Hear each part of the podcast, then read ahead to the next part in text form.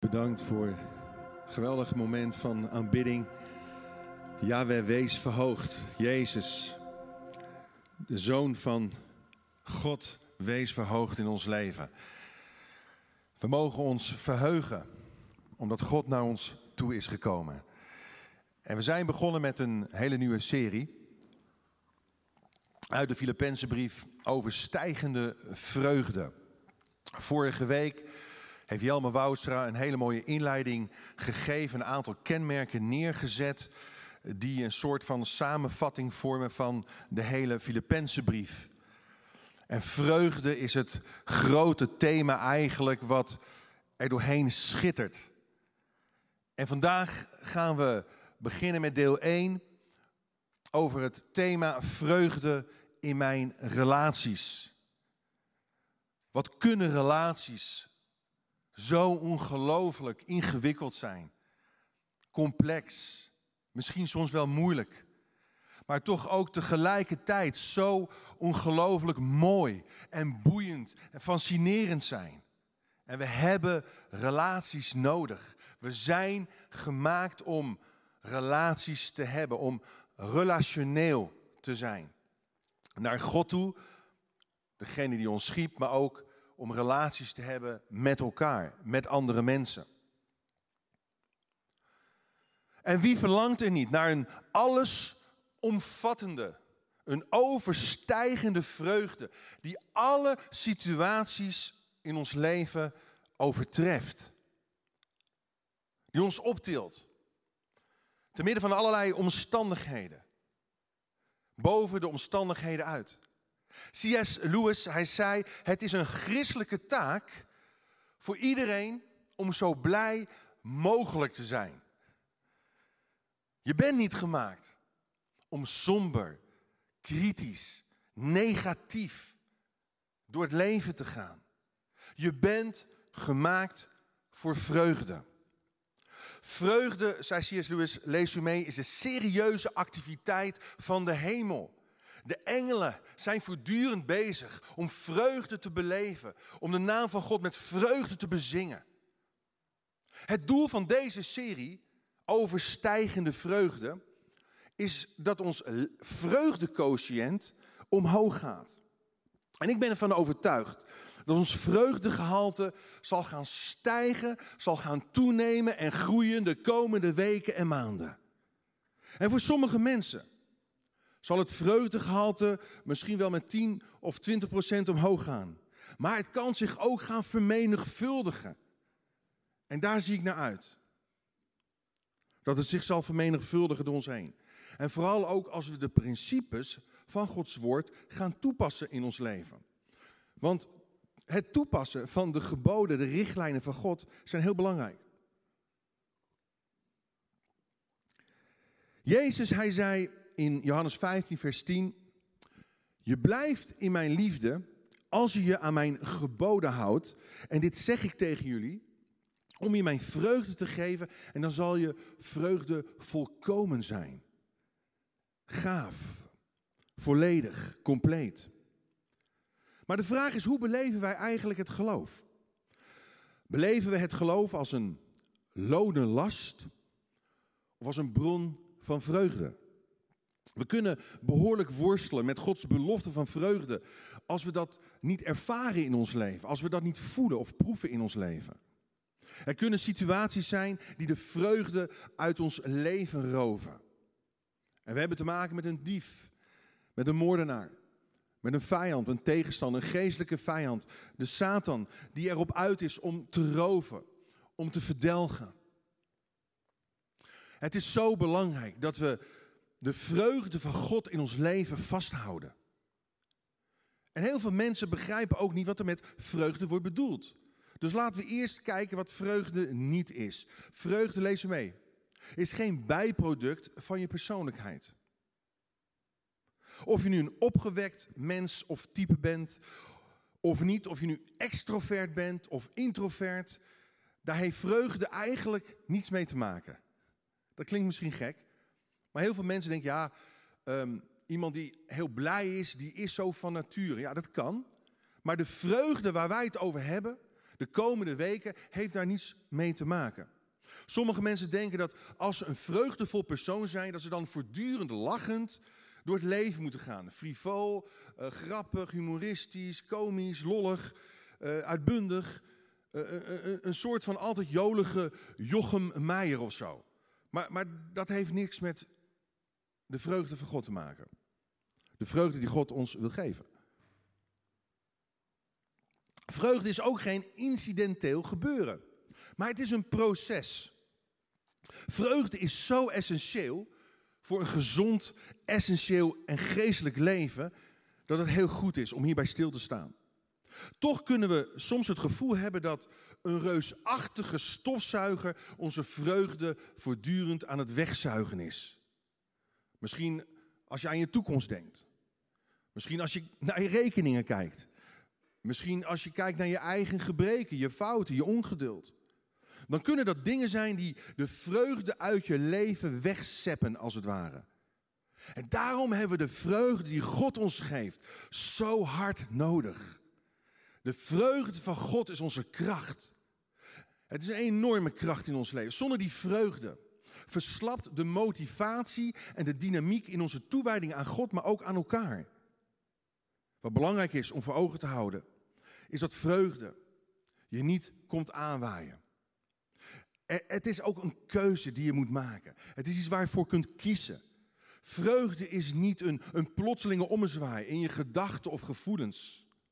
Vreugde is een proces van vernieuwing, van genade. God is namelijk een werk aan het doen in mijn leven. En dat resulteert in vreugde, misschien wel overvloedige en uitbundige vreugde.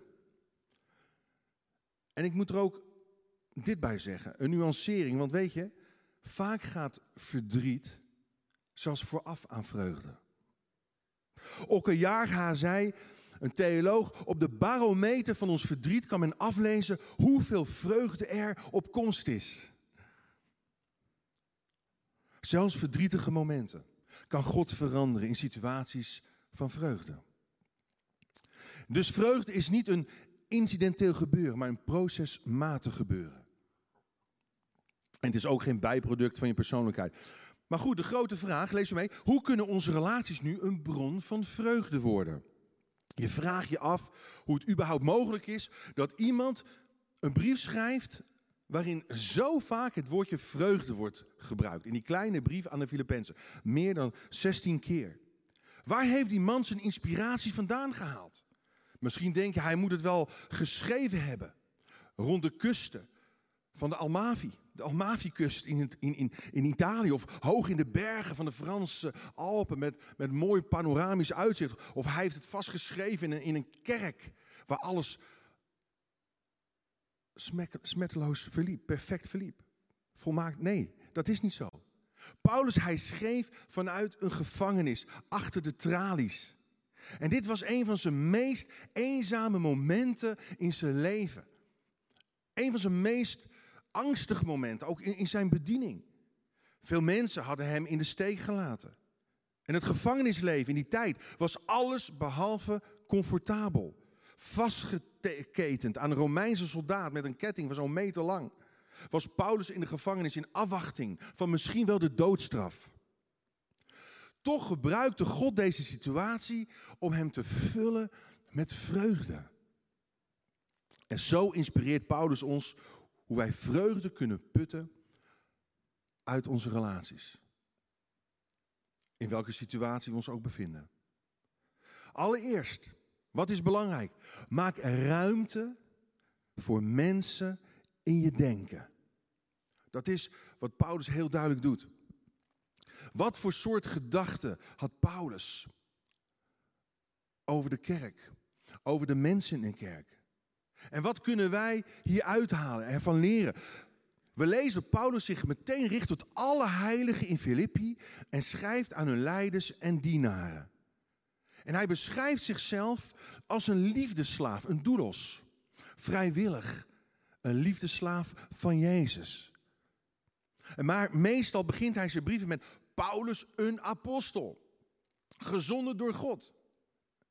En je zou verwachten dat hij dat nu ook zou doen. Te meer omdat hij ook wordt aangevallen op zijn leiderschap. Toch doet hij hier geen beroep op zijn apostelschap, op zijn functie, op zijn gezag. Dat heeft niets met nederigheid te maken trouwens. Dat is niet omdat hij nu heel nederig is. Het heeft niet met nederigheid, maar het heeft met genegenheid te maken. Want in zijn andere brieven begint hij meestal dus wel meteen met Paulus, een apostel. En dan gaat hij meteen toe de kloek komen. En bepaalde zaken aanspreken die, die niet in orde zijn in, in, in die gemeente. En het is dan niet zo dat hij dan niet nederig zou zijn als hij dat wel doet. Nee. Het heeft hier met verwantschap, met een diepe affectie, met een diepe genegenheid te maken die hij heeft met de gemeente te Filippi. En hij hoeft hier niet gebruik te maken van zijn gezag. Want er is innerlijke ontferming, wederzijds. Hij ervoer dus verwantschap en had ruimte in zijn gedachten voor ze gemaakt. Dus, wat kun je doen de komende tijd, de komende weken? Heel praktisch. Ontwikkel belangstellende en dankbare gedachten. Maak ruimte voor mensen in je denken. Hoe maak je ruimte? Ontwikkel belangstellende en dankbare. Dat is ook een keuze. Intentioneel, bewust moet je daarvoor kiezen. Waarschijnlijk had hij de gelovigen in Filippi al zo'n tien jaar niet meer gezien. Toch bleef hij gedurende de tien jaar aan hen denken. Hij bleef denken aan Gods werk in hun leven.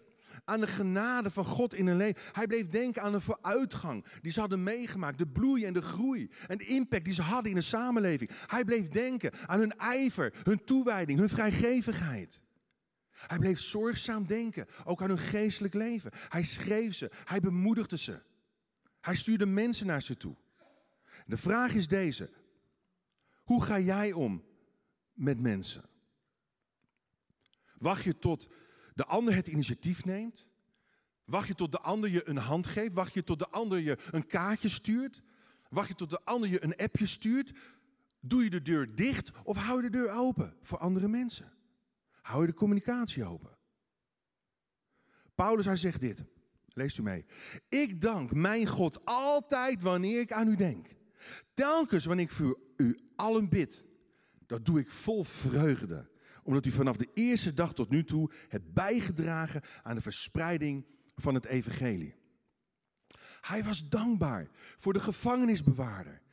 En zijn hele gezin dat tot geloof kwam. Hij was dankbaar voor die bezeten vrouw met een waarzeggende geest. Die werd vrijgezet en bevrijd. Hij dankte God voor Lydia, een zakenvrouw. Die haar huis, haar huis ter beschikking stelde voor, voor connectgroepen. En de vraag is deze. Wanneer dankte jij God voor het laatst, voor wat iemand anders in je leven betekend heeft? Dat is een van de geheimen van een vreugdevol leven. God danken voor wat bepaalde mensen hebben betekend in je leven. En als je dat weglaat, dan mis je een stukje van die volmaakte vreugde die God wil geven. Maar zijn dankbaarheid vulde zijn leven vol vreugde. Hij kon zich verblijden als het hen goed ging. En weet je, veel mensen gunnen elkaar het licht in de ogen niet. Zowel in materieel opzicht niet als in geestelijk opzicht niet. Weet je, jaloezie, nijd, afgunst rooft altijd de vreugde in je leven weg. Jaloezie is de tegenovergestelde houding. Je richt je op wat je niet hebt en vergelijkt je dan met andere mensen. Terwijl een dankbare houding gericht is op wat je wel hebt, zonder je met anderen te vergelijken. Jaloezie is de kunst van de zegeningen van een ander te tellen, in plaats van die van jezelf. Dus vraag jezelf af, hoeveel mensen ken jij voor wie jij God spontaan kunt danken. Wanneer je aan ze denkt. En dan vervolgens ontwikkel vertrouwensvolle en overtuigende gedachten. Hij schrijft het als, als volgt. Hij beschrijft het als volgt. Ik ben ervan overtuigd. Dat is een hele bekende zin of heel bekende vers in de Bijbel. Maar zo, zo dynamisch. Ik ben ervan overtuigd dat Hij die dit goede werk bij u begonnen is, het ook zal voortzetten tot het voltooid is op de dag van Christus Jezus. Nou, hoe kon Paulus zo overtuigd zijn.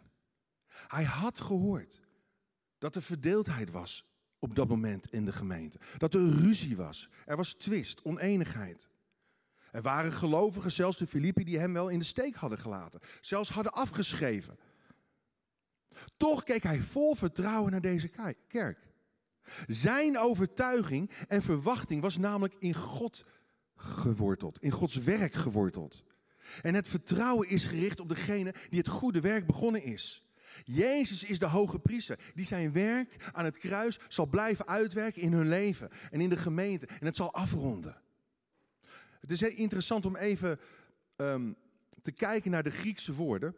Lees mee, van, van het begonnen en het, en het voltooien van het werk van Christus. Dat zijn namelijk technische termen om het einde en het begin van een offerritueel te beschrijven. Ja, lees u mee. Als het goed is. Het zijn technische termen om het einde en het begin van een offerritueel te beschrijven. Dus het is, het is, het priestelijke werk van Jezus, het genadewerk van Jezus, waar Hij op vertrouwt, waar Hij op steunt. En zo is ons leven van begin tot het eind in de handen van Jezus een levend offer geworden. En God maakt er iets moois, iets bijzonders van, iets betekenisvol van. Hij had vertrouwen in het goede werk, dat goed begonnen was en goed zal worden afgerond op de dag dat Jezus terugkomt. En dat werk, lieve mensen, is drievoudig. Het werk dat God namelijk voor ons doet, heet verlossing of redding. En het werk dat God in ons doet, dat heet heiliging. En het werk dat God door ons heen doet, dat heet bediening.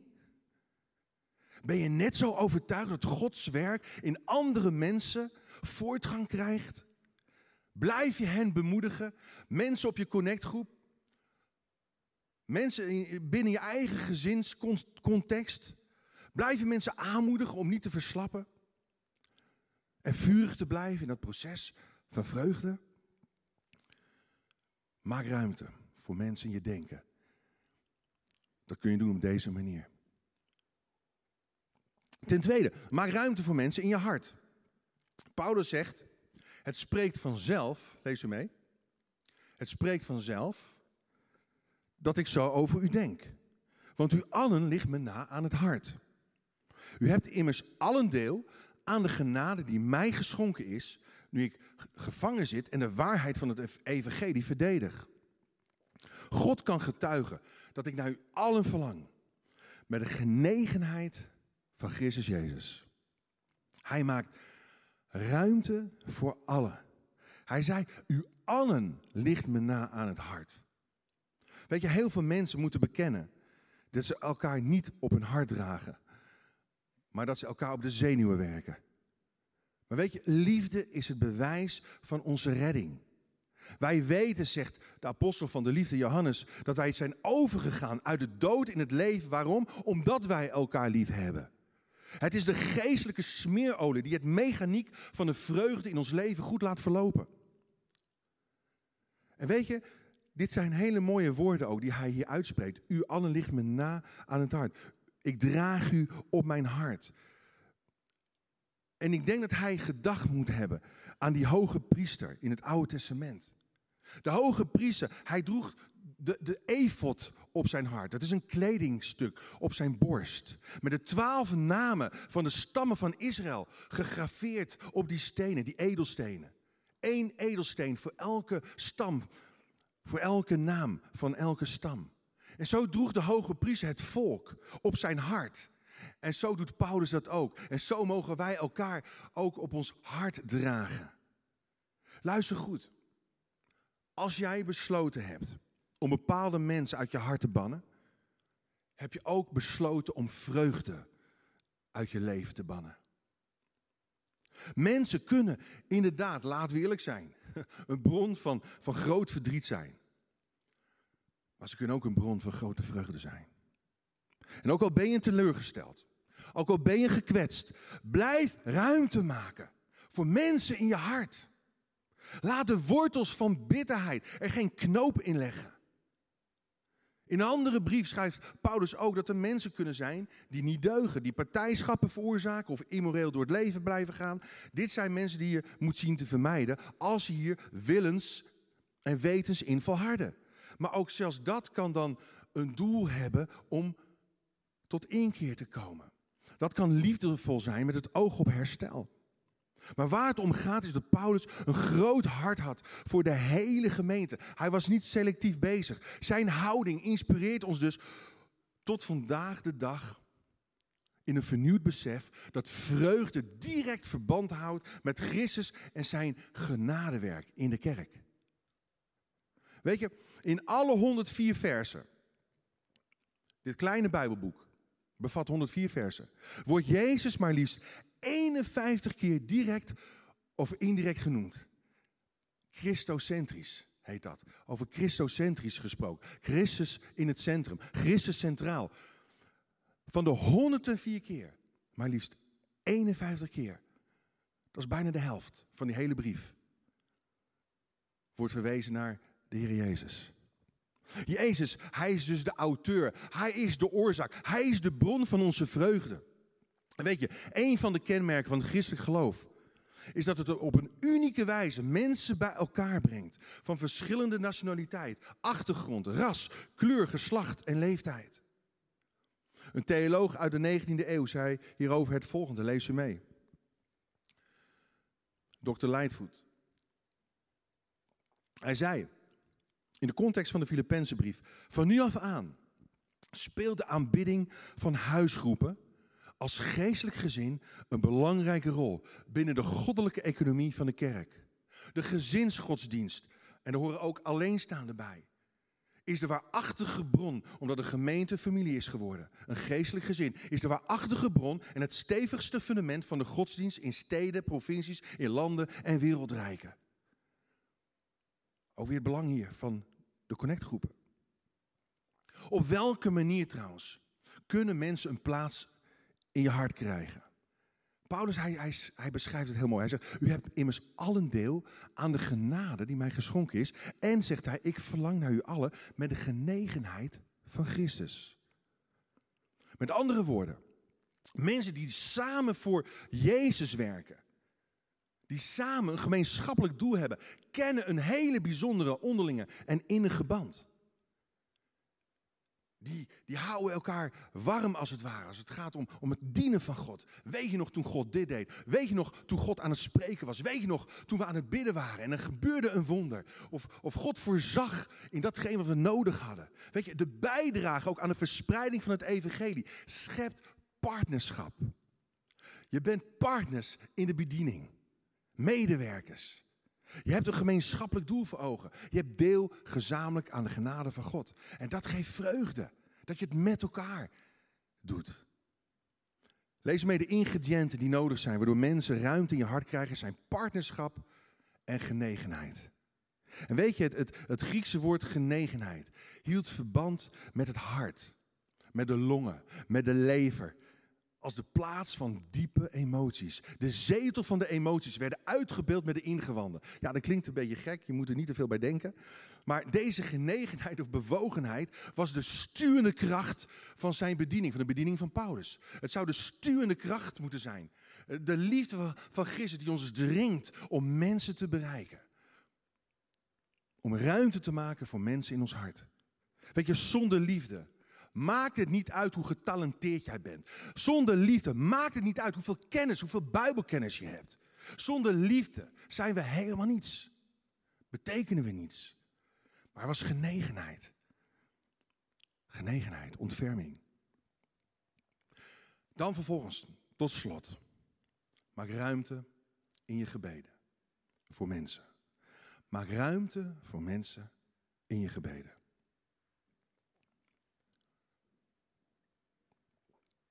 Wil je meer vreugde in je leven? Heel de kerk leest. Heel de kerk kookt. Heel de kerk bidt. Drie prachtige initiatieven. Vanuit samenbinding ontstaan. En het is zo bijzonder om, om dat met elkaar ook te doen. Ook via de WhatsApp. Heel de kerk bidt. Wil je meer vreugde in je leven? Ga meer voor mensen bidden voor andere mensen. Niet alleen voor je eigen noden, je eigen behoeften, je eigen sores. Ga ook voorbeden doen, heet dat, voor andere mensen. Paulus, Hij werd ter onrechte beschuldigd. Toch is hij erop uit om andere mensen te bemoedigen. Hij trekt zich niet terug in zelfbeklag, in moedeloosheid. Oh, kijk mij zo zielig zijn in die gevangenis. Oh. Hij, hij, trekt zich niet terug in zelfmedelijden. Oh, ik ben geboeid, ik ben geketend, ik ben geslagen geweest. Oh. Hij komt met een brief vol vreugde. De vreugde spat eruit. Ja, soms kijk je naar mensen en dan word je terstond helemaal droevig en moedeloos. Nee, wij zouden mensen moeten zijn als ze naar ons kijken, dat ze opgewekt bij ons vandaan komen. Blijmoedig, niet zwaarmoedig, maar blijmoedig. Blijmoedigheid. En Paulus, hij geeft ons een lijstje waar je heel concreet voor kunt bidden. En ik heb dat, ik heb dat uh, als volgt geformuleerd, zodat het ook concreet toegepast kan worden deze komende weken in je leven. In je eigen gebedstijd. Maar allereerst, het is op deze zin gebaseerd, op dit vers, Filippenzen 1 vers 9. Lees ze mee. Ik bid dat uw liefde, en zo mogen wij dat ook gaan doen, voor elkaar bidden, dat onze liefde, dat uw liefde, steeds meer aan inzicht en fijnzinnigheid wint. Zodat u kunt onderscheiden waar het op uit aankomt. In deze zin zitten zoveel mooie woorden, ook in de grondtekst. Maar kortom, waar kun je voor bidden? Lees hem mee. Je bidt voor de geestelijke ontwikkeling van mensen. Dus ook deze week ga bidden voor de geestelijke ontwikkeling van mensen de, die, die in de bediening staan. De geestelijke ontwikkeling van, van, je, van je connectgroepleden, van je, van je broeders en zusters om je heen, van je vrienden. Bid voor de geestelijke ontwikkeling van mensen. Hij zegent het proces van groei en ontwikkeling, zodat zich dat mag voortzetten. Dat genadewerk, wat, wat zo goed begonnen is. Letterlijk bidt hij dat ze mogen overlopen in de liefde van God. En de vraag is deze: ben je gegroeid in je liefde voor God en in je liefde voor anderen de laatste tijd? Of is die liefde afgenomen? Op welke manieren heb jij bijgedragen tot de geestelijke groei van mensen in je gemeente, van mensen op je connectgroep, van mensen misschien wel in je eigen gezin, naar je kinderen toe? Wat heb jij daarvoor gedaan? Je bidt voor de geestelijke ontwikkeling van mensen met wie je optrekt. Dan vervolgens, je bidt voor het onderscheidingsvermogen van mensen. Want liefde moet meer zijn dan een emotionele ervaring. Paulus, hij bad dat het geworteld mocht zijn in fijnzinnigheid. Met andere woorden, liefde is niet blind, liefde is niet naïef. En het woord is hier afgeleid van een werkwoord dat betekent uit elkaar dragen. Het gaat dus om inzicht in het uit elkaar halen van wat goed is en niet goed is. Van wat kwaad is. Of goed is. Van wat nuttig is of zinloos is. Onderscheid. Maar wel in liefde. Je bidt voor onderscheidingsvermogen. Zodat mensen goede keuzes kunnen gaan maken in hun leven. Goede disciplines en, en gewoontes kunnen ontwikkelen. Een christenleven. Zonder discipelschap is eigenlijk leven zonder Christus. En dan vervolgens, je bidt voor godsvrucht in het leven van mensen. Hij zegt dan vol overtuiging, lees mee, dan zult u op de dag van Christus zuiver en onberispelijk zijn. Vol van de vruchten van de gerechtigheid, die u dankt aan Jezus Christus tot lof en eer van God zuiver. Weet je, dat, dat betekent letterlijk in het zonlicht gekeurd. Onvermengd, beproefd door het zonlicht. Het was namelijk zo dat in die tijd heel veel uh, potten uh, ja, met de hand werden gemaakt. In de handen van een pottenbakker. En dan werd zo'n pot, als het af was, in het zonlicht bekeken. Van, hé, hey, zitten er scheurtjes in of niet? En zo geldt het ook voor ons. Zitten er scheurtjes in ons leven, in ons karakter? Ja of nee? Breng je leven steeds weer in het licht van Christus. Zodat je leven, zowel van binnen als buiten, zonder aanstoot is. Zodat de vreugde van God je leven kan overstromen. En dat die vreugde niet weglekt uit je leven. Lees me even, weet je, vreugde. zal je getuigenis versterken en je capaciteit vergroten om het leven van een ander ten goede te beïnvloeden. Zo belangrijk is vreugde. Maar luister wat ik zeg. Vreugde zal je getuigenis versterken. En het zal je capaciteit vergroten, doen toenemen om het leven van anderen ten goede te beïnvloeden.